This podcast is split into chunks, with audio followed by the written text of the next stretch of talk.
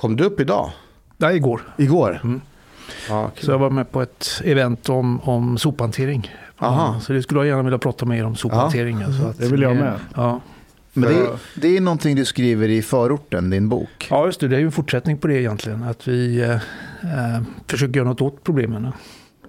Och istället, man pratar ju väldigt mycket om, om eh, stora strukturreformer. Nu ska vi liksom ändra, bygga om samhället och sådär. Och det kan man ju försöka göra. Men man kan ju börja med det här det är väldigt konkreta som att få ordning på sophanteringen. För det kommer i sin tur, tror vi då, fall, kommer att leda till att fler känner sig identifierade med, med området. Och eh, stärker liksom den här ja, identiteten och känslan för att eh, man kan, eh, det är ett bra område. Jag, jag har en teori kring sophantering. Okej. Eh, det finns en klassaspekt på det. Ja. För tittar vi här på oss själva inom våran grupp Ja. så är det ju framförallt Mustafa som har eh, problem med sophanteringen. Han slänger, Du menar att överklassen slarvar alltså? Mustafa kan inte hantera trash. jag och Ashkan, vi är iranier, vi står ju högre i hierarki. Det är inte en klassaspekt, etnisk aspekt. Etniskt, men det är klassperspektiv. Det är etniskt men också klass. Alltså, Mustafa trying- tillhör ju etnisk underklass Are you utifrån... trying to say Afghans would always be Ja men alltså att, att, att underklassen inte hanterar soporna, det är en sak. Det kan jag ha förståelse för. Men när en som tror att han är överklass vänta lite här nu. förstör miljön här inne. Jag förstår. Ja men du, du, du är en miljö... Peter, Peter vänd dig om. Titta där. Ja. Ser du att det är tomt där? Där har det funnits en papperskorg. Ja. Den papperskorgen har Ashkan burit ut och slängt i metallåtervinningen för att den har börjat ruttna. ja, Mustafa är en miljörisk. Det här är ett arbetsmiljöproblem som den här äh, nyinflyttade nysvensken för med sig in. Jag glömde soporna där eh, vid ett Ja. tillfälle och eh, jag kommer få höra det här för evigt nu. Men Ashkan, förlåt, det, det var inte meningen. Nej, jag tog inget personligt. Like last time. It's fine! Det var, det var ett problem som behövde handskas med. Och dialog och kulturell förbryggande funkade inte. Så jag fick bara forcera ut problemet. But I mean, like in the end, var both of you are Persians though. Det är ju sant. Mustafa, och, och det är faktiskt, ja, alltså Mustafa är ju, du är ju tajik. Just det. Och eh, det här, det, det här vill jag höra din take Me- på Mer också, än Peter. afghaner. Nej, Precis. nej men, vänta lite här. Alltså, det är jag jag, jag, nyfiken jag på. kommer ju från folkgruppen Ja. tajikerna, men Ja. jag, jag säger ju inte att jag är tajik, jag säger Nej. att jag är afghan. Nej, men vad känner du det som? I hjärtat? Ah, Afghan, därför att jag, jag vet ingenting om Tadzjikistan eller den, den gruppen. Så. Och när jag, en, en anledning till att det har funkat med de ensamkommande, det är att jag har lagt... Mellan dig och de ensamkommande? Ja, precis, när Ja. jag har varit ute och föreläst. Att jag har aldrig varit intresserad av att ah, du är hazarer, och du är uzbek och du är pashtun. Jag har sagt ah, afghan. Liksom. Jag, jag har inte brytt mig om deras bakgrund och, och jag tror att de har uppskattat det. But do you feel like yourself you're more Afghan or more Swede? Jaha, okej, var det det du Nej, menade nej, kanske? nej, verkligen inte. Jag menar Ja, verkligen... Ja, just det. interesting to För det är ganska distinkt Mm. skillnad på utseendena också mellan Mm. de här folkgrupperna. Och, och innerst inne så Inte om du frågar inte- Aftonbladet. va? Nej, det, de, de, de, de ser ju inte etnicitet. De är ju så pass progressiva att de kan inte Ja. se sånt. Men känner du inte en viss sorts lite extra tillhörighet till de som liknar dig? Och jag försöker inte få ut ett Ja, svar för att måla dig som men, ond. Men snälla någon, alltså, se, Alltså, ja, alltså de andra ser ut som kineser. Alltså eh, hazarerna gör ju det. Ja, men det är lite mongoliskt utseende. Ja, Hazara. För Ja. de kommer från Genghis Pashtun Khan, och det är en Ja, teori. Men ja, alltså pashtuner till exempel, men typ Hamid Safar. Det är lite mörkare drag. Eh, och de pratar också pashto, så språkmässigt förstår vi inte varandra. Men ja, de som, jag skulle säga så här, de som pratar dari, de identifierar jag lite med, mer med. But Pashtun uh, pratar, de pratar också där eller inte alls? Det är det som är grejen. Så bägge är officiella språk i Afghanistan. Ska du jobba för regeringen måste du kunna bägge språken. Men generellt så ser det ut så här. Eh, De som pratar pashto, de kan också prata dari. Ibland. De som pratar dari kan inte alltid pashto. För att eh, där är mer, du vet, det kommer från Iran också. Så, så gör man musik och film så får det mer spridning. Eh, böcker får mer spridning. Pashto är liksom begränsat bara till södra Afghanistan. Så där är det lite finare. Men om, men om man tittar på just eh, om man tittar inom eh, bland iranier, eh, rätta mig om jag har fel. Eh, alltså in, I Iran så finns ju väldigt många etniska grupper också. Du har ju araber, turkmener, eh, Balucher. balucher kurder. eh, och afghaner och allting. Eh, Och förvisso så finns det också lite rivalitet mellan olika etniciteter men det alla hatar är ju just afghaner. Men det är inte där jag vill komma till. Utan Alltså hatar är ju att ta i, men Fast de föraktar dem. De det är ju direkt anledningen att många eh, afghaner är här. Det är för att de har blivit så illa behandlade i Iran. De, de, de är ju direkt rasistiska mot Ja, men det är afghaner. ju Jo, men andra det finns klassens okej då. Jag medborgare. försökte skönmåla mitt... Men eh, i Afghan, rätta mig om jag har fel, men konflikterna i Afghanistan är ju betydligt tydligare mellan, mellan olika etniska, etniska Eh, grupper. Ja, det är det. det, är det. Och, det och, och regionmässigt är ju de på sina ställen. Annars, så, det du sa nu med, när du pratar om att jag behandlar alla som eh, afghaner. Och att inte göra skillnader mellan folkgrupper. Det är ju precis det som är lösningen framåt. Det illustrerar ju vikten av att man har en gemensam identitet.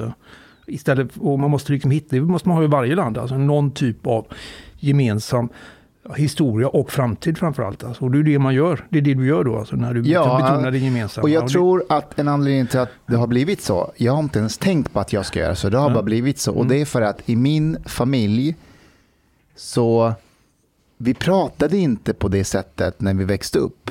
Alltså, okej, min, mina föräldrar umgicks med andra ehm, tajiker eller dari-talande afghaner. Men det var mer klassmässigt. Mm. Eh, men det var liksom inte, ah, de där är hazarer, de är sån. Eh, eh, inte heller vad jag kommer ihåg nästan alls här, du vet, antisemitismen som kan finnas bland i muslimska länder. Det, det har jag inte heller en erfarenhet av bland mina släktingar och familjer och så. Mm. Så de, just de frågorna har varit helt ointressanta för mig.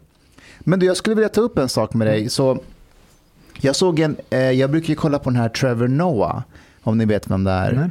Eh, Det är en, Daily Show, eller? The Daily Show. Ja, det är han är den grym. svarta killen eh, från eh, Sydafrika. Mm. What, why are you watching him? Han, alltså, ni måste läsa hans bok, den är riktigt, riktigt bra. Jag också Born of Crime. En av de bästa jag böckerna jag jag har läst. I svårt för can't honom. Efter att Jon Stewart lämnade så... Ja, okej, men det är en Okej, annan story. skitsamma. men han har en sån här talkshow Mm. och så eh, bjuder han in lite olika gäster ibland. Så jag såg ett avsnitt häromdagen, då var det med den här republikanen.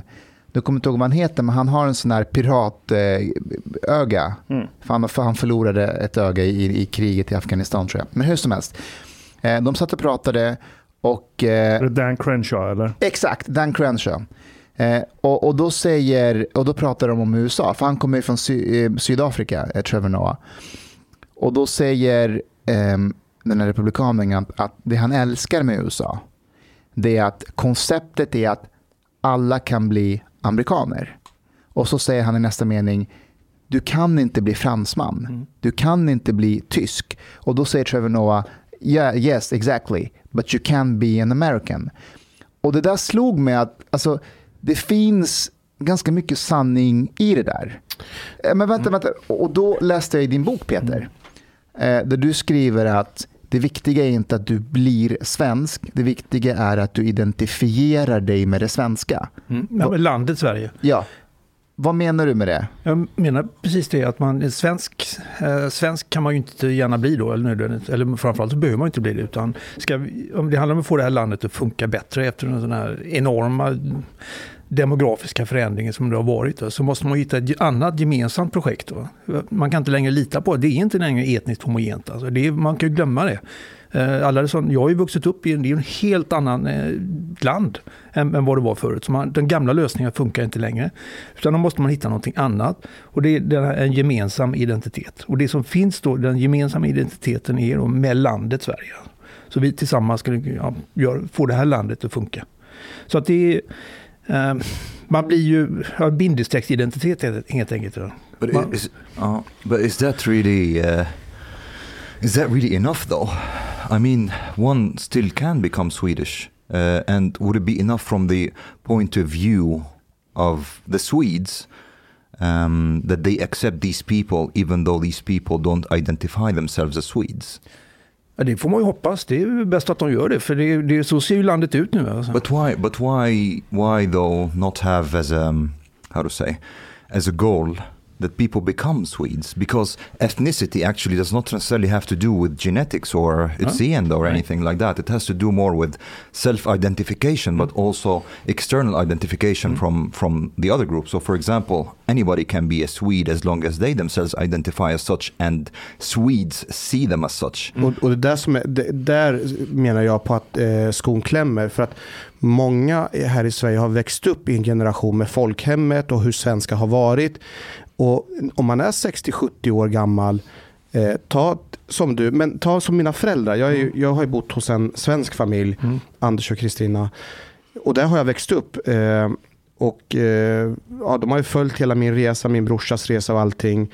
Men än idag när vi diskuterar huruvida de, eh, hur de ser på oss, är vi svenskar eller inte? Så säger ju till exempel min pappa, min svenska pappa, "Mm, men vi är inte svenskar. Utan eh, ni är här, ni bor här, men ni är inte, ni är ju invandrare. Och, och han, han, alltså det är det här som är grejen. Han gör inte det, det är inte, alltså. Det är inget illa menat. Det är inget illa menat.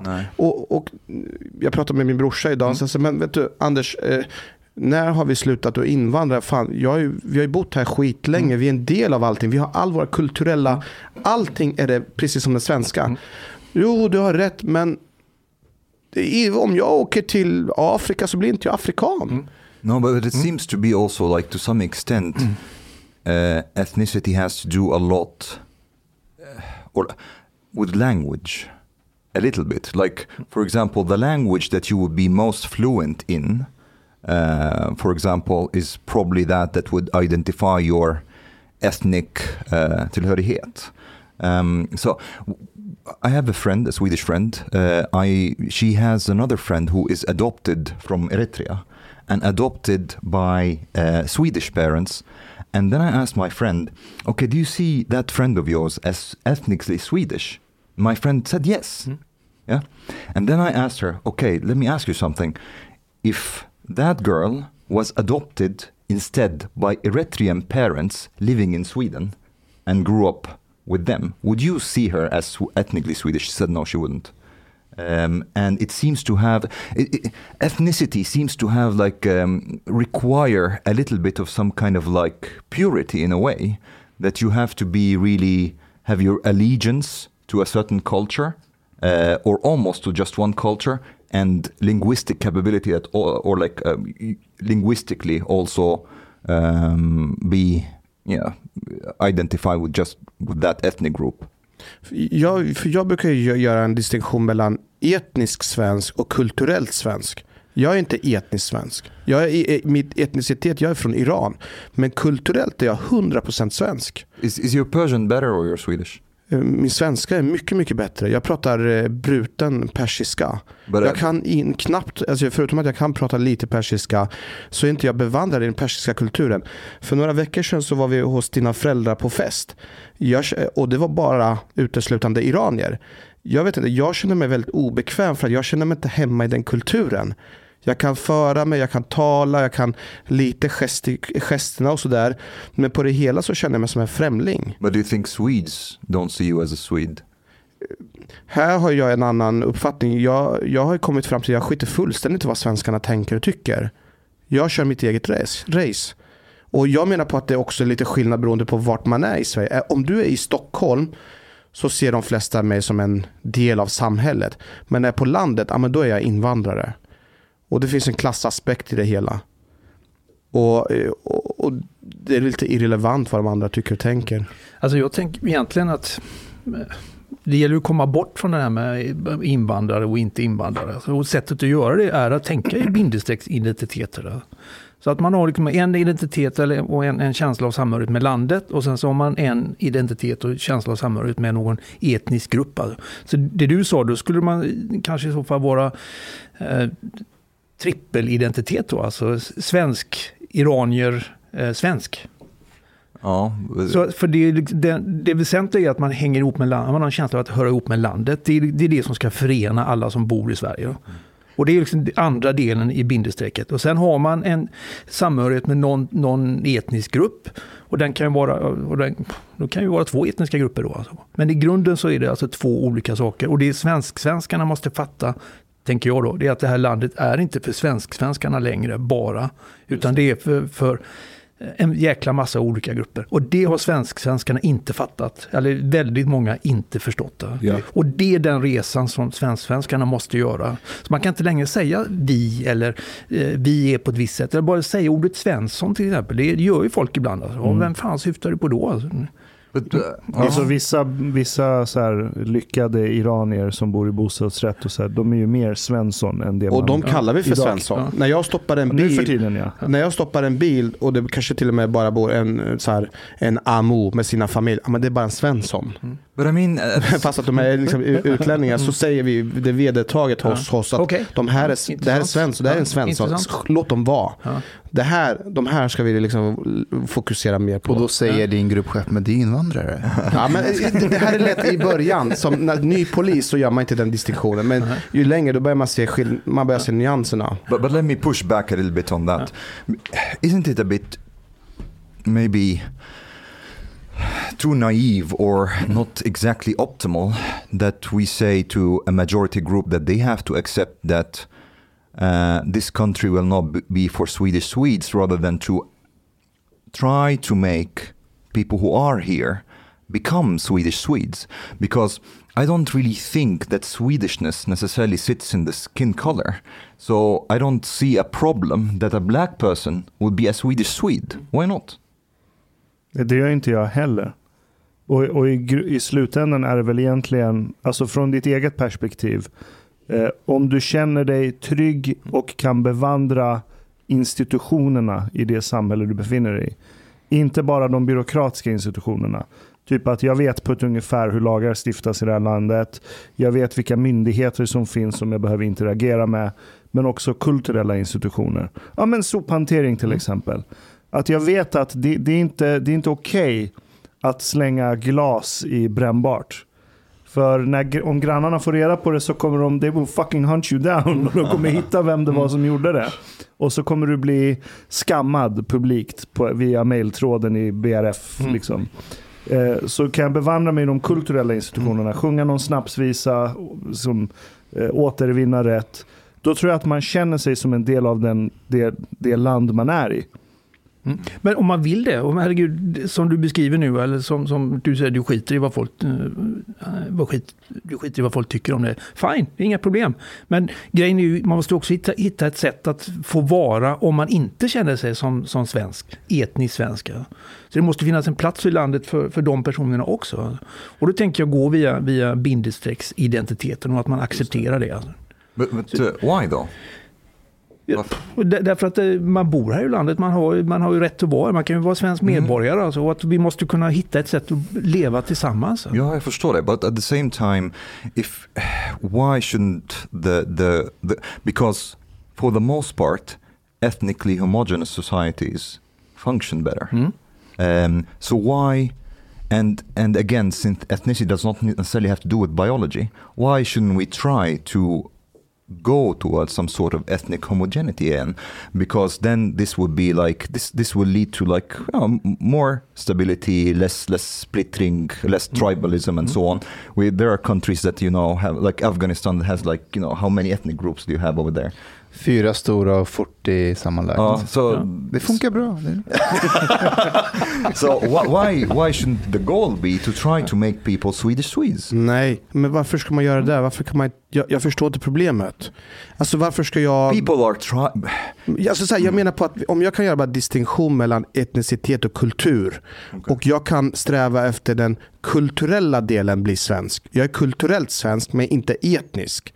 Jag gör den distinktionen. Och så länge jag kan behärska den kulturella aspekten så är det inga What's the konstigheter. difference between ethnicity and culture be- in your Ja, men uh, jag, eyes? jag menar på att den, den visuella, den biologiska delen. det är inte etnicitet. Nej, i, i min fantasivärld så, i min, i min värld så, eh, så, så är det kopplat. Jag vet att, i, att det sägs att det inte är det, men jag, menar, jag kopplar väldigt mycket etnicitet till... Jag tror att många gör faktiskt det. Ja. Alltså kopplar etnicitet också till eh, biologiska egenskaper In eller, och Sweden, blod. yes. In Ja. Sweden, yes. But I think it's because actually this is very interesting because this is more of a linguistic, um, a linguistic thing. Because people here in Sweden decided that odetras är fel, äckligt. Mm, mm, mm. So they try to replace the word ras med etnicitet. But ethnicity actually does not Jag really have vet, to om man, om man kollar upp etniskt så står det faktiskt ett folk som delar samma språk och kultur. Och det står ingenting om ras. Ja. Men begreppet är ändå...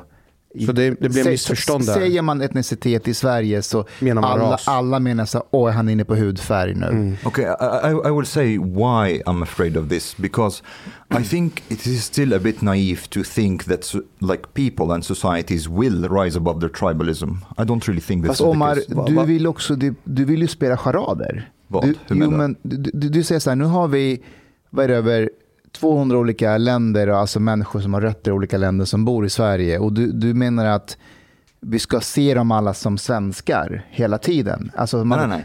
Uh, eh, we, the goal should be not necessarily them. I think it's too late. Like for example, me, I can never be Swedish. It's, it's too late, you know. Uh, but at least i, we should not try to replicate that and propagate it to their children and grandchildren. So forever we have like different groups in Sweden, even though they have been like here for several generations, speak the language Ja, perfectly. men hur löser de det i USA då? I USA löser de ju precis det. Man har ju bindesexidentitet. Man har ju två, man Irish American eller Italian American eller vad som helst. Det är ju, det det, är det som USA gör bra. Att man kan vara, man behöver liksom inte överge sin, sina, sina föräldrars språk eller sina språk kanske man behöver överge, men sina föräldrars sätt att, förha, sätt att vara och så. Utan man kan vara det och eh, en, en produktiv, konstruktiv medlem av landet. Alltså. Jag måste bara säga så här att det du säger Omar, det påminner mig mycket om Kesar. Nej, vad Sverigedemokraterna säger. Alltså det här att du, du, du ska bli svensk och svenskar ska också uppfatta dig som svensk.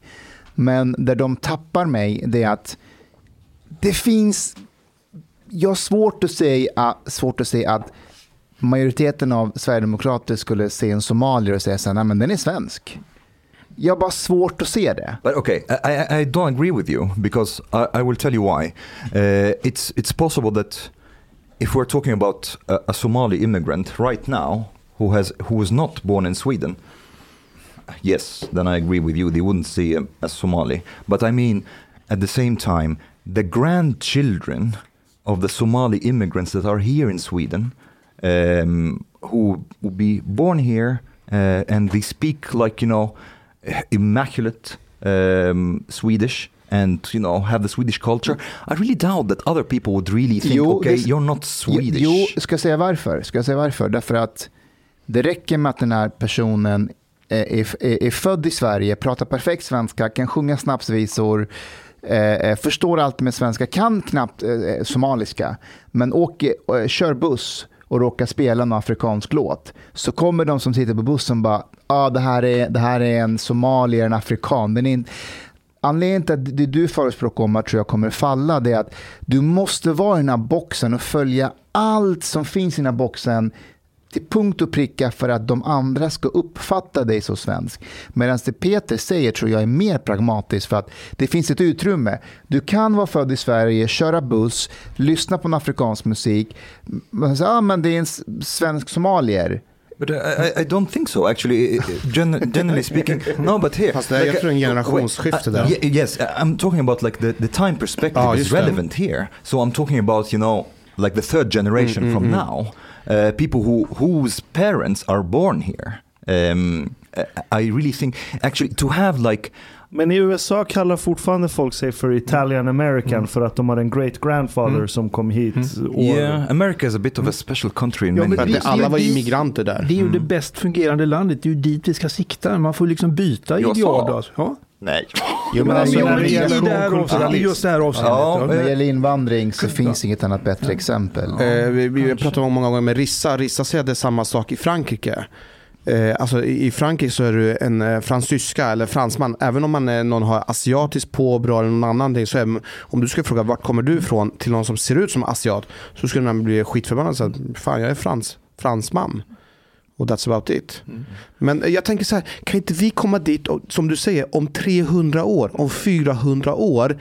Då har ju många eh, somalier fått eh, liksom, gått i arv och då blir det kanske en, mer som USA. Och i bästa fall så har man inte gift sig med någon från den, den egna gruppen utan man gifter sig utanför den egna gruppen. Jag vet att ni har pratat om det förut också och det är ju extremt viktigt. Alltså, det är ju en indikator på hur uppdelad landet är, i vilken grupp man gifter sig. Alltså. Så det- Inom, inom den som, somaliska gruppen, det finns ju många sådana här klaner. Ja. Eh, Den absolut, den, den klanen som anses vara sämst. Ja, men vänta, säg inte namnet. Nej, det. jag säger inte det. I den klanen så är det vanligt att man gifter sig med någon utomstående. Men de andra klanerna ser ner på den. Eh, men de andra klanerna, de gifter sig bara med somalier. Ja. Men en, en grej jag tror vi inte tar hänsyn till det är att alltså, världen kommer nog inte bli mer statisk. Jag tror det kommer bli ännu mer rörelse än vad det är idag. Eh, vi kommer behöva ännu mer förflyttning av talang och kompetens runt om i världen för olika länders behov. Så den här idén om att alla som är i Sverige idag överhuvudtaget ens kommer stanna. Eh, att Sverige inte kommer fyllas med massa andra människor som sitter på en viss kompetens av massa olika anledningar. Varför är vi så besatta av att de måste bli svenskar?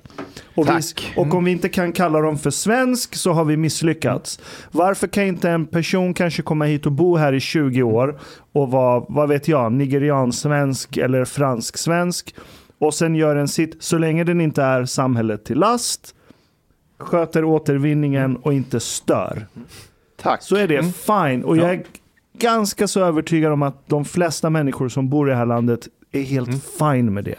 Och ett steg till, alltså, bara för att veta när det är bra. Det, det är ju när man kan skämta om svensk-somalier på samma sätt som man skämtar om göteborgare eller stockholmare. Nej, men där går 100%. gränsen Peter. Nu, Nej, nej, nej, 100 procent. Jag är med dig. Jag är med dig. mean, Det, det, alltså det, folk har ju någon sorts ideal om att man inte ska, man ska, det ska vara totalt blint, man ska se bort från etnicitet. Det går inte. Alltså man Nope. tänker, man, etnicitet sitter ju i någonstans i, i djupt i själen. Alltså, om det är en del av den man är. Och det, det måste man bara be- bejaka, men alltså, tona ner betydelsen av. Alltså. Men Peter, ja, när vi pratar nu om etnicitet, menar du ras då? Nej. Nej, jag menar Nej. hur man känner sig. Alltså. Ja, Okej, Men- för jag, jag blandar ihop då. För att Ja. för mig är etnicitet mer kopplat till ras som inte vi använder oss Ska i vi säga ursprung då? Härkomst? Ja.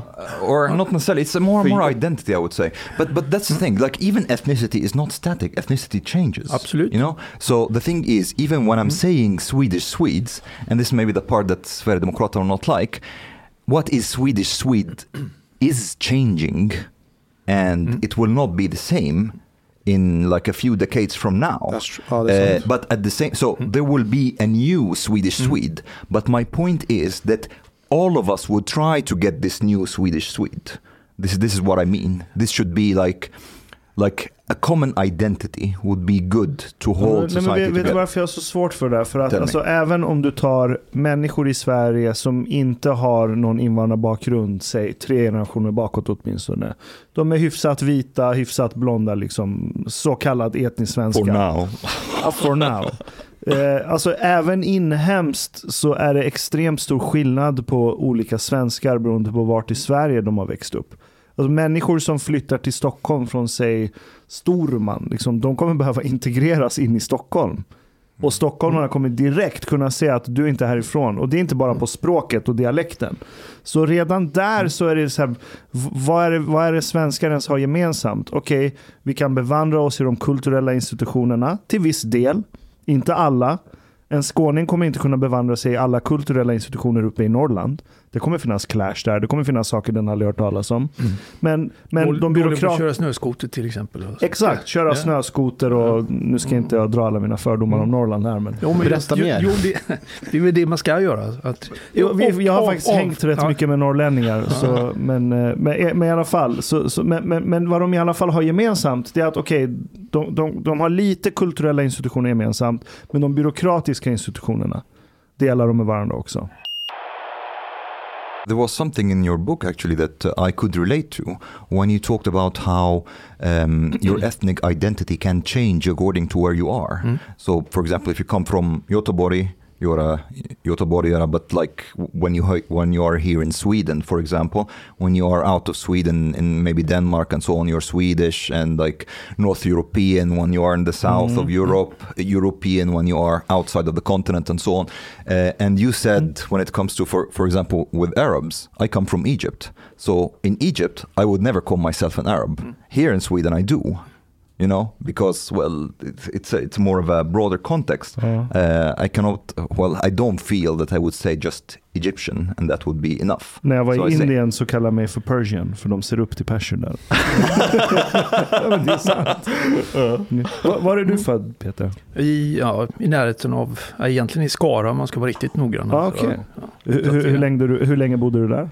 Ja, till jag var sex år gammal och sen flyttade jag till Göte- Göteborgsregionerna. Så, att Ah, jag- okej. ja, Så du, du identifierar dig som göteborgare? ja, jag nog det. inhemskt, ja, så att säga. Ja. Håller du på Göteborg i fotbollen? Skojar du? Ja. så att det, det finns ju, man tar ju alltid en risk när man är fotbollsfan. Men det finns ju ingenting som, som gör mig lyckligare än när IFK vinner. Mm. Så när de slog Djurgården till exempel, det var en underbar upplevelse. Det var, Vilket, eh, om man är eh, göteborgare och håller på eh, laget, eh, vilket, Stock- vilket Stockholmslag hatar man mest? det är nog AIK. AIK är den, Alla den, hatar AIK. Ja, det är, men de, de vill ju bli hatade också. Så att, Mm. eh, de, de har ju lyckats med, eh, med det. Så, Jag- jag AIK kan man det. se som Shia. Offermentalitet. Jag märkte det när jag var så fotbollskommendering i Norrköping, AIK Norrköping. Alltså hatet mot AIK var eh, fantastiskt. Men, men samma sak finns det inte i Stockholm va? Att man hatar, alltså i alla fall i den graden. nej, det är Typ väl en del av, Malmö eller- av det är väl en del av den självtillräckligheten. Man behöver inte hata. Utan, Nej. Man behöver, Alltså, man det- samma. Ja, precis. Alltså det är den Ja, värsta ja. sortens eh, hat. Ja. Eller, eller det att du är likgiltig. Mm. Det är att folk hatar dig men du bryr dig inte. Nej. Jag hade ju bara umgåtts med stockholmare fram tills jag var 19 och började plugga på Uppsala. För då plötsligt, typ så här, "Ah, norrlänning, vad är det för någonting? Skåningar, liksom, allt. Vi var ju minoritet stockholmare i vår klass, typ. Eh, Så, men ända fram till dess, alltså, när jag gick runt och så här, kollade på SVT eller någonting, såg andra delar av Sverige, då var jag så här, ja, gulliga små invånare. Mm. Så hade jag såg ner på alla i Sverige Det är, tills jag flyttade ut från det Stockholm. är klasshat. Det Ja, är, riktig klass. Men du Peter, du är ju statsvetare Mm. och du har varit vid Göteborgs universitet Ja. i många år. Eh, Hur kom det sig att du började intressera dig för de här frågorna och skrev den här boken Förorten? Egentligen för att eh, jag var inte nöjd med de svaren som gavs. Att det, det ju, jag såg ju hur landet förändrades och hur snabbt det gick. Särskilt då från 2010 och, och, och framåt. Och hur bedrövlig debatt, vad jag, hur bedrövligt dålig jag tyckte debatten om eh, invandring och integration och migrationspolitik faktiskt var. Alltså, man kunde jämföra med Danmark och, och, och var något som fattades i Sverige. Vi såg ju, det finns ju ingen annan fråga där det är så stor åsiktsskillnad mellan riksdagsledamöter och medborgarna som, i, eh, som när det gäller synen på eh, av migration. Så att riksdagsledamöter har ju under, så länge vi har mätt det, jag jobbar ju med sånt också, så att vi frågor till undersökningar med både riksdagsledamöter och väljare. Och det finns, ända sedan 90-talet så har det varit ett jättestort gap då när riksdagsledamöter, när man frågar dem, eh, vad tycker du om förslaget att ta emot färre asyl, eh, asylinvandrare till Sverige, eller färre migranter till Sverige. Då säger de att det är ett jättedåligt förslag. Medan då medborgarna tycker att det är ett ganska bra förslag. Och så har det varit alltså sedan, eh, sedan 90-talet. Det är, den största, det är den största åsiktsskillnaden som har varit eh, av alla de frågorna vi har mätt. Och, och den har funnits konsekvent i, i, ja, i 40 år, alltså, eller i 30 år. Alltså. What does that say about our democracy though?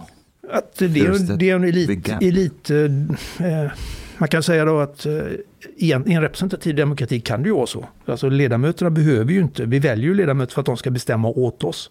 Representativ demokrati är ju ett elitistiskt system, det är inte alls särskilt demokratiskt eller i betydelsen egalitärt. Utan det är ju miss, vanligt missförstånd då att representativ demokrati är samma sak som eh, egalitär demokrati. Det är inte alls, det är ett elitistiskt system. Vi väljer dem för att de ska fatta kloka beslut. So had we had direct democracy, Så hade vi haft en helt had- annan Mm, migrationspolitik. en intressant. helt annan migrationspolitik. Men grejen är att det, så borde det ha funkat. Då borde eh, partikonkurrensen ha funkat. Så att några partier, framförallt då höger Moderaterna, skulle ha plockat upp den att, eh, opinionen. Men det gjorde de inte. Och det är liksom det mystiska med Sverige. Det är det som skiljer Sverige, eller sossarna skulle ha gjort det. Men de gjorde inte det. Och det är det som skiljer Sverige från Danmark. Alltså att Danmark slog ju in på en annan väg i slutet på, på 90-talet. Och det var då någonstans bestämde sig den svenska eliten för vi ska inte vara Danmark. Så att man, så man valde alltså en, en, en annan väg. Och då har betytt då Att den opinionen som har funnits som bland svenskar, att man är kritisk mot den, generös, mot den Europas mest generösa flyktingpolitik som det var. Den har liksom inte blivit representerad i riksdagen förrän egentligen via Sverigedemokraterna. Har du, har du någon take på varför den, om vi ska kalla för den fria marknaden för idéer Ja. i Sverige inte har funkat? Och varför politikerna, de olika partierna, inte har så kallat kapitaliserat och försökt fånga upp? Vad är din take på det? Jag har, jag har ingen, det är ett mysterium. Okej. Det borde de ha gjort. Och det gjorde de i Danmark. Men jag undrar om, om det finns någonting i, eh, i eh, just att man inte ville vara som Danmark. Så om inte Danmark hade skett, gjort den här omsvängningen så kanske man hade kunnat, det hade varit enklare att göra det i Sverige. Men det blev så himla... Danmark blir stigmatiserat då. Vi ska vara någonting annat, vi ska vara bättre än vad Danmark är. Men riktigt, ja, Men varje gång som någon parti försökte göra någon anspråk på det så har man ju brunsmetat. Jag tänkte i början av 90-talet, då kom ju Ny Demokrati. Mm. Och rättar man mig fel, men de var väl lite så här invandringskritiska. Ja, de blev det framförallt inte så mycket 91 då när de kom in som de, var på, som de blev under mandatperioden. Så, Mm. så höst 94, men då var de ju, det var ju ett freakparti. Ja. Mm, mm. Det förvandlades, så det gick ju bara inte att, eh, att eh, ja, närma sig dem då. Utan det, det var dåliga politiker. Men 94 är faktiskt enda gången i de här riksdagsundersökningarna vi ser att eh, då var det moderata riksdagsledamöter tyckte att det var en bra idé, eh, stödde det här förslaget att ta emot färre eh, migranter. Men det är också enda gången under se- sedan då 90-talet som man liksom har sett det mönstret. Så Moderaterna hade någon typ av rörelse på gång då. Men så, så, så ströps det av någon anledning. Och sen så har, har vi haft det här gapet då. Alltså det, det är verkligen extrem elitistisk eh, representativ demokrati. Och det, och så, så kan det vara ibland. Så var det till exempel med, med synen på homosexualitet och, och eh, en massa sådana frihetsfrågor. Det var ju samma sak där. Det var ju representanterna som gick före och det var ju rätt. De fick ju med sig folk. Så det var, då fungerar ju elitdemokratin. Att man ändrar folks uppfattningar. Men det har, när det gäller invandring har det ju inte funkat. När det gäller den generösa flyktingpolitiken. Så det, ju- där hade de ju fel. Och där gick de ju, eh, ja, gick de ju fel. Och det var liksom ett underbetyg åt, åt eh, hur, hur representationen har funkat. I början av really like- 2000-talet så var det ju eh, så var det Folkpartiet gick ut med att man ville ha eh, språktester och sådana grejer. Men då vart de ju direkt markerade. Man, var, man fiskar ju i grumlig Ja, vatten. men de, fick ju, de gjorde ju sitt bästa val på, eh, sen 40-talet också. Ja. Så de fick ju extremt mycket väljarstöd på väldigt kort tid tack vare här, eh, de här förslagen. Alltså. Kommer du ihåg också att det var ju, eh, det var inte upp, jo det var Uppdrag granskning, Janne Josefsson som gick och gjorde de här valstugeundersökningarna. Och där kommer det ju fram den här eh, stora skillnaden mellan vad de utåt sa. Utåt sa de att de var för migrationspolitik och sådär, men så fort de trodde att eh, kameran var avstängd så hade de en helt annan åsikt. Mm. Men det gjorde ju också att, eh, jag kommer inte ihåg vilka partier det var, men de rasade ju någonting så Det var otroligt. både moderater, socialdemokrater, Mm, det det var var, alla väldigt brett. Ja, men det Nej, var men det var typ ju, det. det var ju, så de, alltså det var ju en, alltså de sa, väl- det var väl någon till och med som sa att sån där journalistik får man inte göra så pass tätt in på val. Ja, men det påverkade det ju påverkar ju så mycket. Ja, det var faktiskt, jag var en av de som sa det, alltså, men att, eh, att det var dålig. Det är, lite, det är ju fel när en redaktion kan göra, göra, ett inslag som påverkar valrörelsen så mycket. Alltså att, på vilka grunder? Det är, det är ju en gud i maskinen som kliver in och som ändrar förutsättningarna. Bara därför att de kände för det på, i den redaktionen. De har ju ska man- levt på det där också sedan dess. Ja, ska, men ska man göra en sån grej, verkligen gripa in i en valrörelse, då får man ju ha ordentligt på fötterna och göra flera olika saker. Alltså. Men bara bestämma sig för att nu hade vi en kul, intressant journalistisk sak som de kunde göra och så ändra. Eh, det var ju Moderaterna som råkade mest ut Just det, för kritiken var väl också att de inte, det var inte lika fair mot de andra partierna. Mm. För det var ju vissa som var, Moderaterna var Socialdemokrater som var mest Mm. där, som fick mest skit. Men också att man gjorde det i en enda sakfråga. Just det. Så då, då primar ju folk att tänka på den frågan alltså när, när man går och röstar. Och, det, och det, det är inget... Sen ska det då påverka hur, hur eh, landet styrs under de kommande fyra åren. Så att det, är liksom, det är för mycket journalistmakt. Då. Den makten ska ligga hos partierna, för det är ju så systemet ser ut egentligen. But, it, but it's Får- not jag bara just ställa like en, a, Får jag bara ställa en motfråga? Eh, Men är det inte, blir inte det här lite motsägelsefullt? Å ena sidan så tycker man, man har en annan åsikt om just migrationspolitiken. Men i det här fallet när man drar ner byxorna på politikerna och de outar vad de egentligen tycker. Man, alltså en annan person skulle kanske tänka att de borde kanske få fler röster med tanke på att den stämmer överens med fotfolket. Men nu vart det tvärtom. Ja, men de var ju hycklare ju. Ja. Ja, det var hyckleridelen det. som var, okej, all right. but, but it's, it's not just um, that it was irresponsible migration policy. It seems like when I'm reading the book, also it's it's uh, I really like it by the way.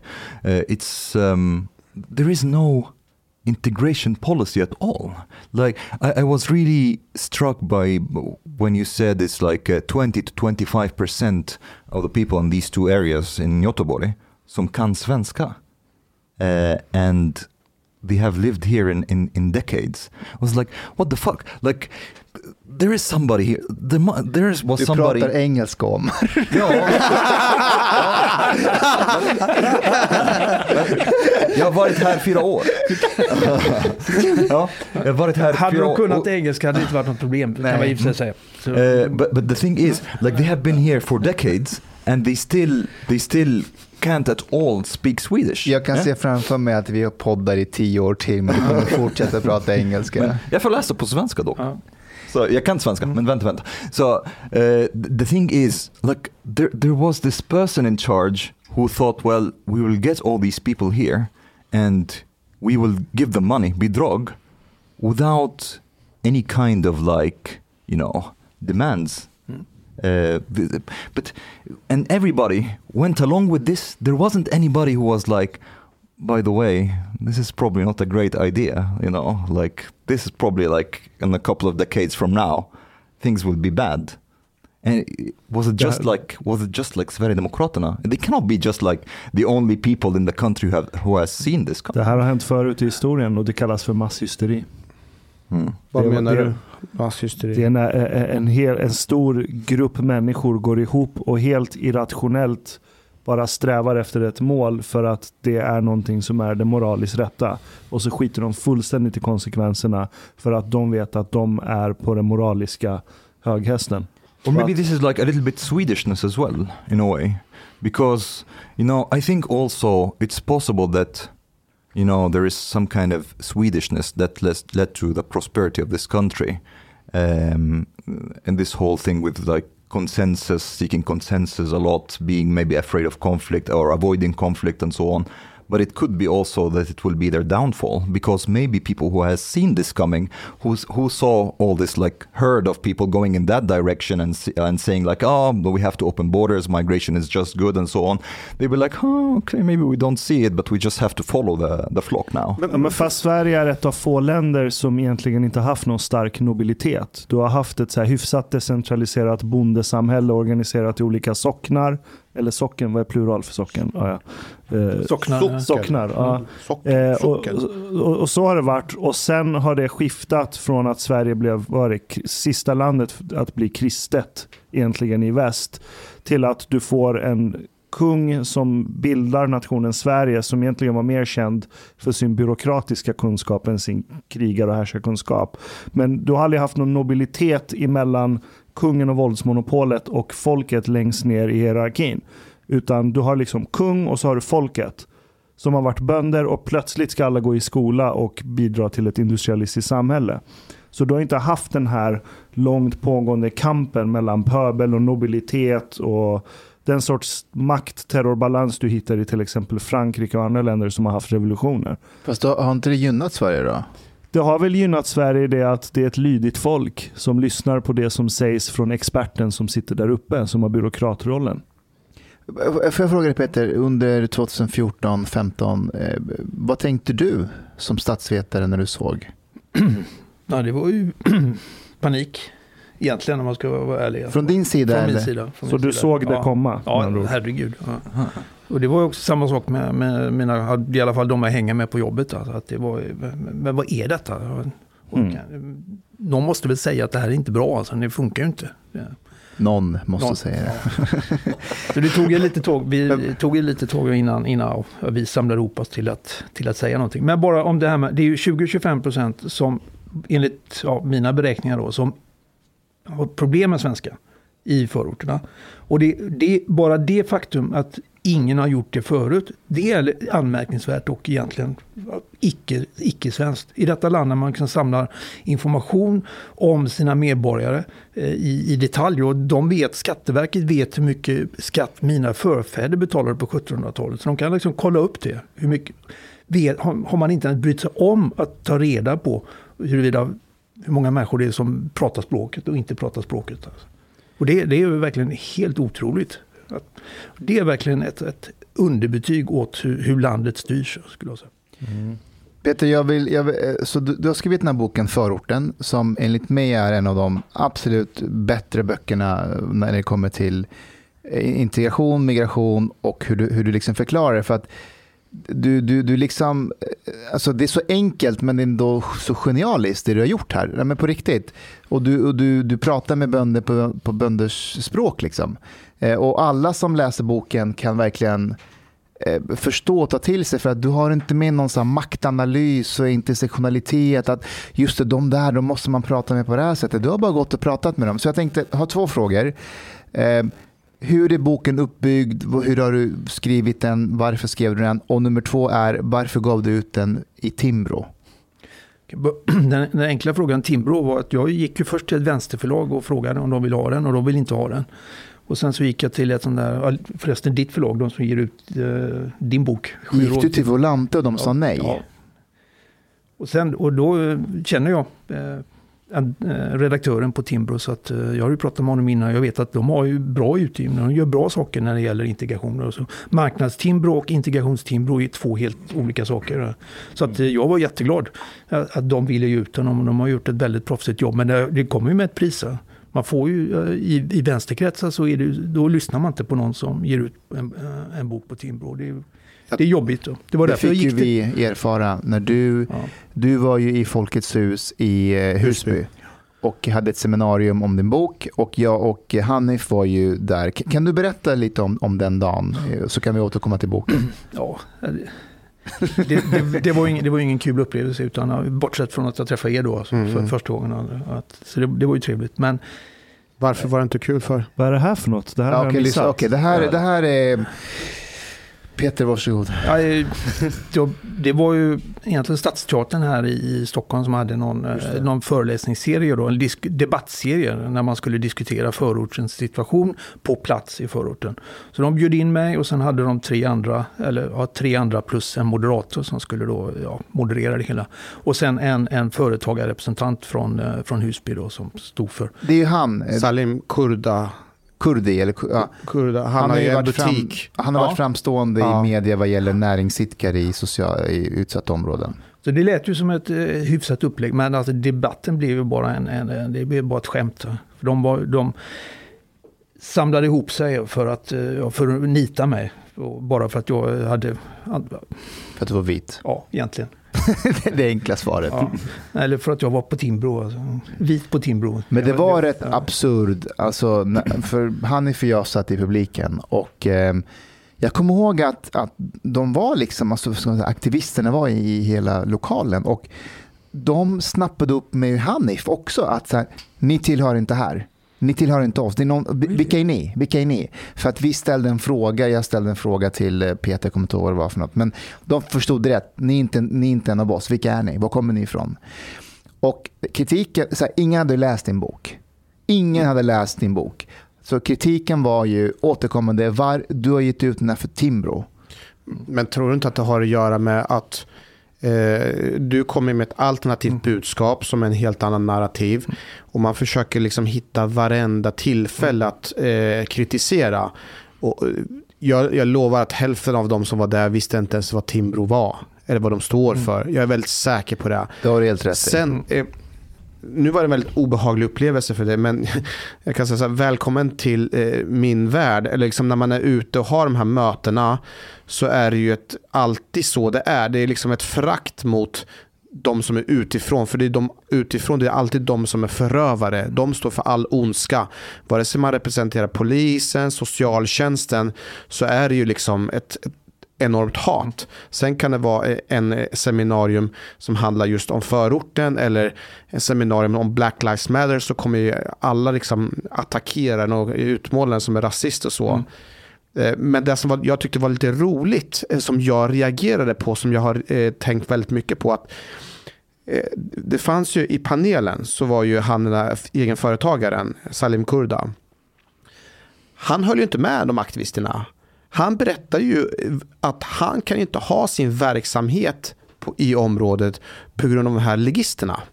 De är där och de håller på att förstör och de fuckar upp. Och han sa att han ville ha mer poliser och han, gick ju, han stämde ju in på din eh, föreställning kring att de flesta människorna där i området vill ha hårdare tag. De vill ha ordning och reda. Men det jag tyckte var så intressant är att han blev totalt mm. ignorerad. Ja, han var osynlig. Han, han, eh, det var ingen som ville bemöta honom. Det var ingen som ville argumentera mot honom. Utan han var han blev osynlig. Han var en jobbig jävel mm. därför att han har ju förankring i området. Ja. Han, deras föräldrar går ju och handlar i hans butik. Och han står där och säger att jag kommer lämna om inte jag, liksom, om inte jag får vara i fred och, göra affärer här. Eh, så de, de, visste inte hur de skulle Nej. hantera honom. Men Peter var lätt att hantera. Mm. Men vänta, en grej i så fall. Underlaget till förorten, till boken. Vad är underlaget? intervjuer med ett eh, väldigt massa personer i, eh, i två förorter i Göteborg, då, i Hjällbo och Bergsjön. Som jag personligen har pratat med eh, närmare tusen personer. Och, och, det är face to face? Face to face och, och hur har du hittat dem? Ja, det är på ett vanligt sätt att försöka få tag på ett så representativt urval som möjligt. Alltså, det är ju också en, en, del av historien. Det finns så många fördomar och myter om förorten då, så bland sådana som jag då. Att, va, jag frågar ju, vi vill ju göra den här studien för att vi, just för att det är så låg svarsfrekvens. Man vet så lite om hur vanligt folk tycker och tänker i förorten. Så vi vill ju göra en, en bra studie med, med, som man ska göra då för att få med en bred grupp av personer. För det är precis som du säger, alltså de som hörs är inte alls representativa för hur, hur de vanliga boende tycker och tänker. Så, men då frågade jag undersökningsföretag som ändå jobbar där i, i området och som tar fram underlag för Göteborgs, för Göteborgs kommun. Eh, och hur gör man? Och så, nej, gå inte hem till folk. För det, vi gör inte det, det är för farligt. Vi vågar inte riskera att, att knacka på hemma, hemma, större, så att, hemma hos folk. Så att Eh, gör ett eh, ja, kvoturval så att på, eh, på torget. Så det började vi göra. Och, och sen då så märkte vi, men herregud, på, i Hjällbo torg där vi var först, eh, då får vi inte med dem som, det finns fem områden i Hjällbo. Då, så alla, alla förorter har ju liksom sin egen logik och olika delar och så. Så då märkte vi att de som låg på höger sidor om spårvagnen, det är två områden, som är, har lite högre status i området, de kommer ju inte till torget. Utan de gick, åkte och handlar och så på andra ställen. Alltså. Så då fick vi inte ta på dem och så då började vi knalla runt i området och, och, och söka upp folk där. Och till slut så fattade jag, men kom igen, det är ju inte farligt, lägg av, det är ju bara löjligt. Så då började vi knacka dörr i slumpmässigt urval mm. av, och det funkar ju hur bra som helst. Det är liksom inga problem alls. Det är bara en sån dålig myt om hur det funkar i förorterna. Så vi har nu ett, så i Bergsjön det andra området så gjorde vi liksom två saker. Dels så finns där en, eh, en vårdcentral. Var det Hjällbo? Det Detta var ju Hjällbo det första. Och det var där de, de sköt i somras som mm. ni kommer ihåg. Upploppen på, på torget och så. så det, det är ett stökigt ställe. Då. Sen var vi i Bergsjön och då gjorde vi två saker. Dels så finns det en vårdcentral där som alla besöker. Och det är ju en historia i sig då, för de har inte sådana tidsbestämda eh, tidsbokningar. Utan det är, det är drop-in man kommer dit på morgonen och så, så, får man då träffa en läkare, vilket är jättebra. Det vill ju folk göra då. Alltså, man vill inte träffa en sköterska utan man vill träffa en läkare. Så omklädningsrummet där, eller eh, väntrummet där, där, där, sitter ett snitt av människor från, från Bergsjön.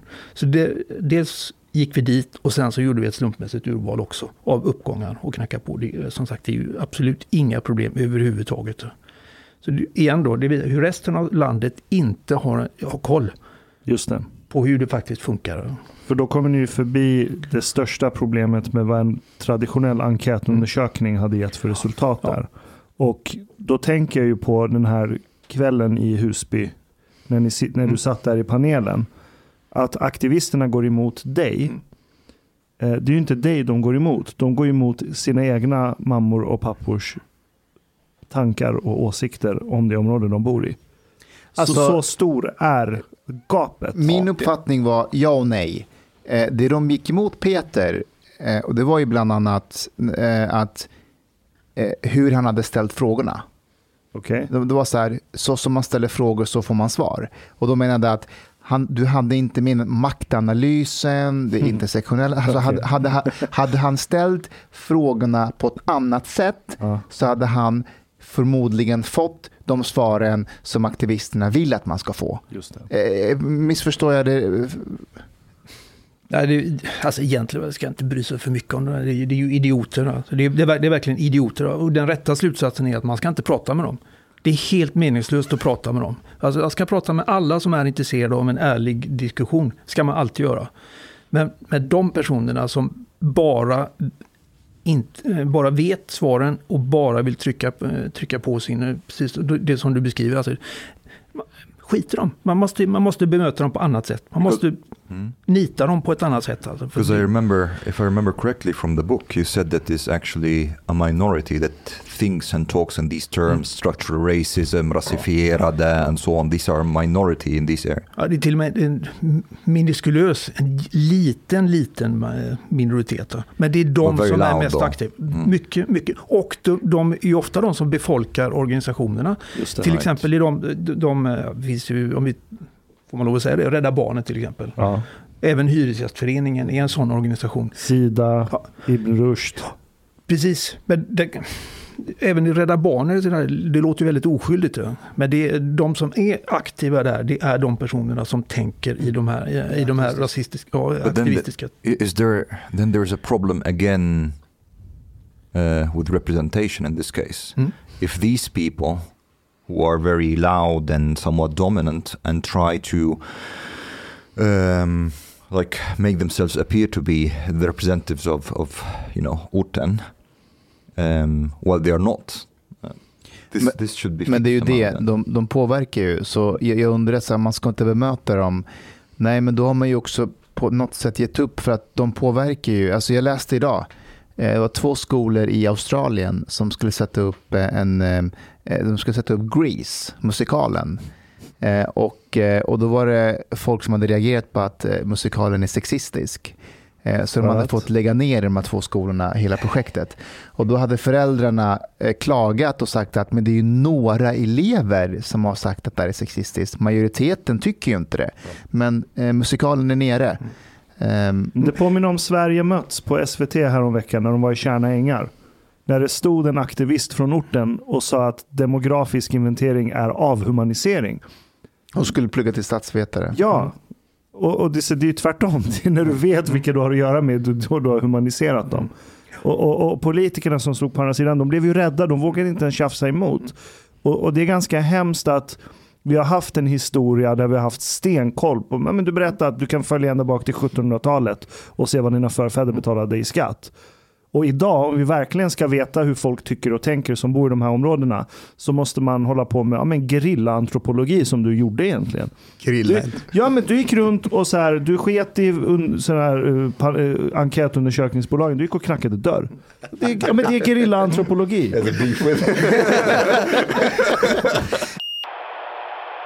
Det var faktiskt efter att du gjorde det här som jag fick upp ögonen för någonting som jag tror jag många gånger har känt men inte har riktigt kunnat sätta ord på.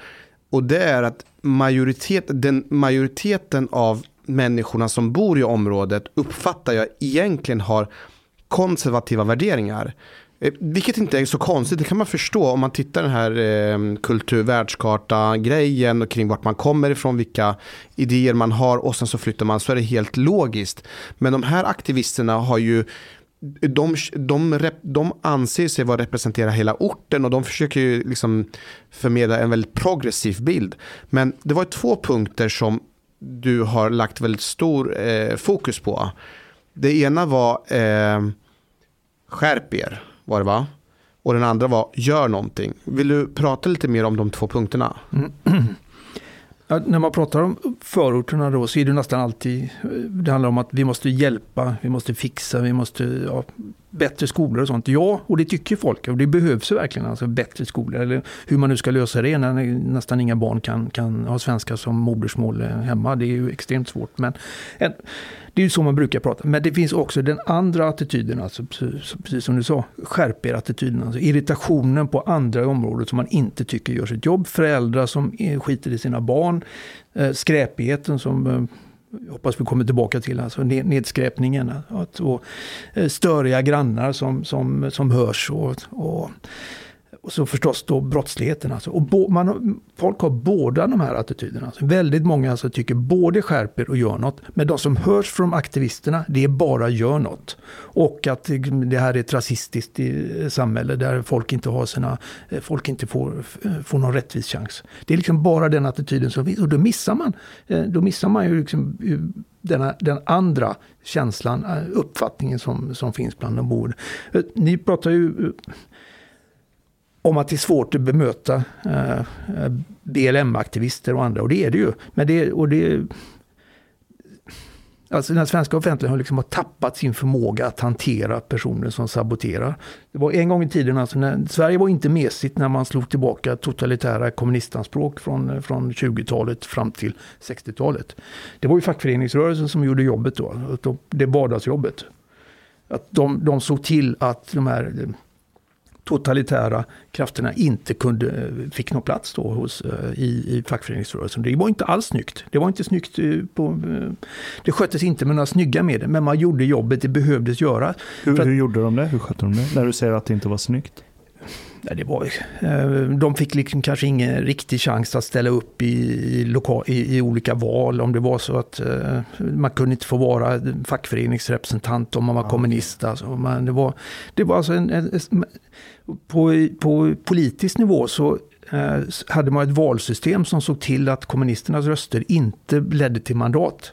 Så kommunisterna hade alltså hälften, hade aldrig någon riktigt stor riksdagsgrupp fram till och med, eh, till och med 1968.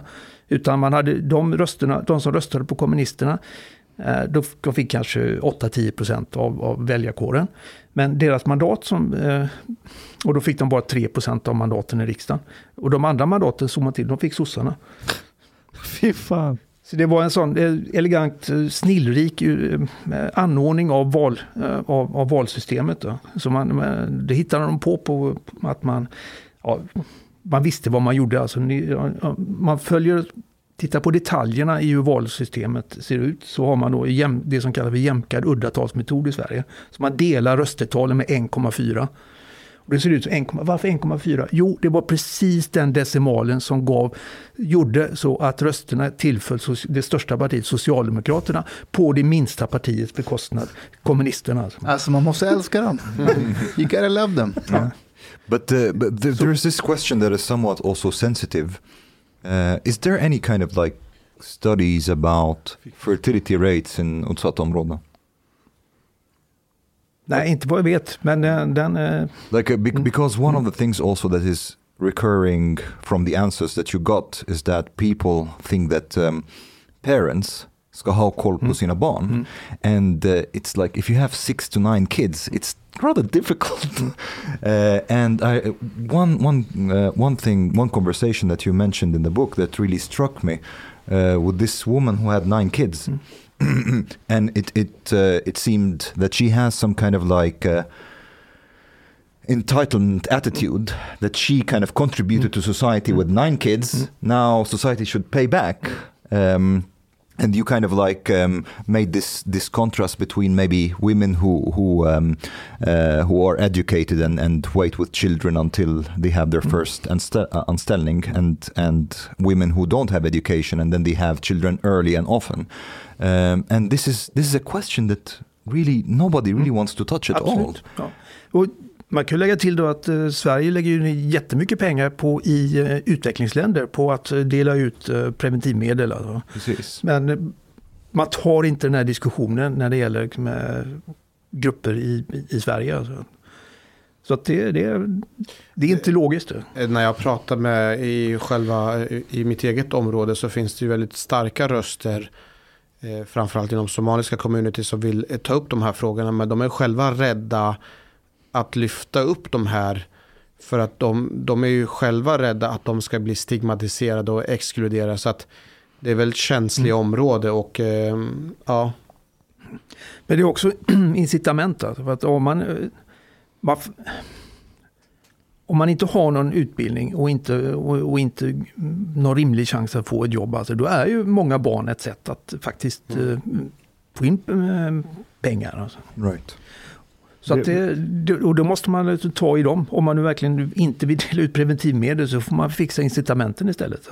På, på tal om incitament, jag fick eh, höra eh, att eh, när, när flyktingvågen 2015 kom och, och efter det också, när det kom många ensamkommande unga afghanska pojkar, så vet jag om att det var en familj i ett utsatt område i Sverige som hade sju barn själva. De tog in två afghanska ensamkommande in i sin lägenhet för att du får ju ganska stora summor pengar av att ta hand om ensamkommande. Och jag beskyller faktiskt inte den familjen.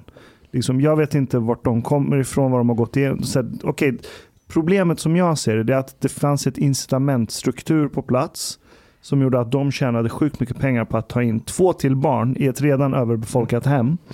Men ännu värre, inte bara att incitamentet finns där, att staten och de byråkratiska krafterna inte har någon som helst koll på att är det här en bra plats att placera två nyanlända unga afghanska pojkar? Om man ska gå dem lite grann till försvar, eh, hjälp mig om jag har fel. Alltså 2015, det välde ju bara in massor med folk och det fanns ingenstans ans- att förvara alla människor. Man gjorde vad man kunde utifrån de förutsättningarna. Därefter så fick man ju hämta hem en, en redan katastrofal situation. Men det kom ju busslaster. Jag kommer ihåg när jag stod på eh, tågstationen. Alltså det kom ju väldigt med hundratals. Och där stod man och skulle bara ordna boende för de här människorna. Man fixade, man fixade hotell, man fixade lokaler. Man gjorde vad som helst för att kunna hålla de här människorna någonstans. one can ask the question, why do you let people in when you don't have place for them? Men, men vi gick aldrig till botten med det där med skärp dig, gör någonting. Nej, just det. Mm. Och sen det här med, vi var inne på ABF och fackföreningarna, hur de kunde eh, hålla kommunistiska krafter ute. Eh, vi var inne på, det var BLM vi var inne på va? Och, och framförallt gör någonting delen fick inte jag riktigt tydlig. Ja, Förklara nyfiken tydligt vad gör också. någonting var för någonting. Ja, det, det är ju en attityd om att eh, just att folk i, alltså gör något. Okej, nej, men det handlar ju om att den vanliga diskussionen som finns att skolorna är sämre och att det är ju väldigt många föräldrar otroligt oroliga för. Alltså, Mm. att, man är, att barnen inte får, eh, inte får någon utbildning. Och, eh, det finns ingenting för ungdomarna att göra på sin fritid. Det är också en sån sak som, som gör något, attityden fångar in. Alltså, det är väl två tydliga exempel. Fixa jobb i en annan tredje. Alltså. Hur man nu, eh, igen då, hur man nu gör det. Men det, de uppfattningarna finns ju också, men det vet vi ju om. Det är ju de, det är ju, det är ju de, liksom de uppfattningarna som får stå för de boende i, i förort, förortsborna. Medan då eh, den andra attityden, det här också att man känslan av att de andra får ju fan skärpa sig. Mm. Den brukar man aldrig prata om. Så det är ju det som är det nya i sammanhanget. Och man kan alltså tycka båda sakerna och det tycker folk också. Jag, när jag läste i boken, jag, jag eh, tyckte det var mycket roligare att läsa svaren längst bak. Mm. Och jag blev lite ledsen. Jag blev lite ledsen, men jag såg att jag tror att det tillhör kategorin gör någonting. Det var många som sa att vi önskar att fler svenskar kunde bo här. Vi vill att man ska göra någonting så att svenskarna kan flytta hit. Mm. Det var väldigt återkommande svar Mm. om och om igen. Ja, det är klart det finns de som tycker det, men det är ju annars en sån sak som, som eh, eh, faktiskt ganska få tycker. Så att det är ju, svenskar är ju snälla men irrelevanta för, för förortsborna. Om man, om man, vi, vi, har precis, vi har ställt den frågan till folk, hur vikt, om olika saker man kan göra för att det ska bli bättre. Och en av de sakerna är att fler svenskar flyttar in. Och den, den kommer alltså näst längst ner på listan över angelägna åtgärder. Mm -hmm, okay. Så att eh, det, är inte, det är inte så att folk sitter och längtar efter att fler svensk, svensk, svenskar ska flytta in. Alltså, utan, Är inte det lite provocerande? nej, Fast- varför då? Det, Vad, vad ska de göra där? Ja. Eller vadå? Nej, men jag tänker så här att eh, det, jag kan tänka mig att det provocerar på två sätt. Eh, för det första att, det, att det är så pass, man är så pass eh, så långt borta från det svenska samhället att, att, man, är, att, att man är irrelevant. Jag tycker faktiskt att det är lite provocerande. Ja, men det, det bygger ju på förutsättningen att det här landet är liksom bara för svensksvenskar. Om man, om man inte tycker det. Mm. Men det är liksom en speciell, lite tråkig kategori alltså, som, eh, som eh, ja, sitter hemma på kvällen och inte umgås så mycket med andra. De hade, kör några schablonbilder då. Så varför ska de, vad, vad- ska vi med dem till då? Vi behöver inte dem här. Speak also of like, uh, um, uh, to me it seemed like extreme ethnic diversity in these two areas, and I wonder, like I know from uh, from what you said, Hanif, that i Rinkeby and Tensta, for example, there isn't this like kind of like very broad ethnic diversity. You said it's like mostly Somali people, Mm. but um, so so it's different there, or Oh, okay. ja, det finns inte särskilt många etniska en- enklaver i Sverige. Det är, det om man tittar på runt om i Europa så finns det ju eh, sådana här förortsområden med, eh, och länder med debatter kring förortsområden. Stigmatiserade områden finns i alla länder och de brukar man tycka att det är, liksom är dåligt. Stigmatiserade områden som är kopplade till etnicitet och till invandring, det finns kanske i sju eller åtta länder. Eh, det finns i Sverige då förstås, det finns i Tyskland, det finns i Frankrike, det är Banlieues eh, som alla känner till. Det finns i Belgien, det finns i Nederländerna, eh, det finns i Storbritannien. Men i de länderna så det är bara no- Storbritannien egentligen som, som har, och möjligtvis Belgien då, som har sådana här etniska enklavområden. Utan i de, andra, I de allra flesta länderna så är det mer av diverse, superdiversity, alltså många olika etniska grupper. Och i Sverige Södertälje, ja, det är ju assyrier och syrianer som, som dominerar. Det är ju sån enklavområde. Möjligen, möjligen i, i Tjärna ängar, alltså i, i, i Borlänge. Järva kanske. Nej, det är ju inte det. det, är ju inte det. Alltså. Ja, det är Fast ju det, det. det, beror på, Ja. eh, det beror på vart du är i Järva. Mm. Eh, Men med tiden så är det, blir det mer och mer etniskt. Eh. Som, för, för det, om vi tittar eh, Ashkan på våran grupp, iranier. Mm. För typ 10, 20, 30 år sedan så var det jättemånga iranier som bodde i Husby och Kista. Man kunde till och med, eh, Kista kallas för lilla Teheran. Eh, Men med tiden så har ju många iranier, jag vet inte, alla taxichaufförer och alla andra, de har jobbat upp sig. De har fått lite mer pengar. Och det lilla, lilla pengar som man har fått har man lyckats köpa, sig en bostadsrätt. Nu har ju de flesta iranier förflyttat sig från Husby, Kista till Solna. Och det är inte så konstigt att nu pl- ploppar det upp eh, fem miljarder persiska restauranger i Kistaområdet. Bara i I Råsunda. Solna menar du? I, I Solna. Ja. Och bara i Råsunda-området så har vi typ flera eh, restaurang, persiska restauranger som konkurrerar med varandra. Men sakta, Det sakta finns fyra persiska restauranger i Råsunda. Det är Ja. ganska sjukt. Mm. Och det är en liten del av Solna. Ja. Så sakta, sakta, de som, som har möjlighet, man brukar kalla det för white flight, vilket jag tycker är helt fel. Det handlar om egentligen vilken klass du tillhör och vilken förmåga du har. Har du möjligheten att flytta från området, från förorterna, så kommer man göra det. Och det kommer vara eh, de som tillhör etnisk underklass som eh, kommer kunna till viss del kunna bo kvar i området. Inte helt och hållet, för det, det skriver du i din bok också, att det finns villaområde, det finns bostadsrättsföreningar och det finns bostadsrättsföreningar i Rinkeby och Tensta som, som jag har nästan aldrig satt min fot i. För det funkar alldeles utmärkt. Du bor i din bostadsrätt, du har din bil parkerad i ett garage, du, eh, du går till jobbet precis som vanligt, du tar bilen från ditt garage, åker iväg och handlar och så, så åker du hem till ditt eget bostadsrättsområde och du har ingenting med övriga förorten att göra. Så det är också en del av eh, förorten. Men på det hela i mitt område så är det ju eh, somalier som är den dominerande delen, i vart fall i Rinkeby och i Tensta också. Vad är, vad är procentandelen? Jag läser mest statistik då. Ja. Det är väl någonstans kring 25 procent, 20-25 procent som är somalier. Eh, kanske på pappret Ja. eh, officiellt, men inofficiellt så är det helt Okej. Du har lyssnat så här långt. På sista måltid. En mycket fin radioprogram i Sverige. Du tycker det är mycket trevligt. Men, min vän, lyssna på mig nu. Du har inte betalat biljett på klubb moltit. måltid. De har dom grabbarna de behöver pengar. Flis. Lax. Stolar. Dyra bilar. Lyxhotel. Du vet. Då måste du betala om du ska mer. Du får gaflera fler avsnitt också. biudande, heltenkelt. helt enkelt. Läs i beskrivning för avsnitt, där det finns information för att bli medlem på klubb moltit. Måltid. Det kostar som en mycket liten kaffe latte ute på torget. Per månad. Lätt som en plätt. Tak, vän.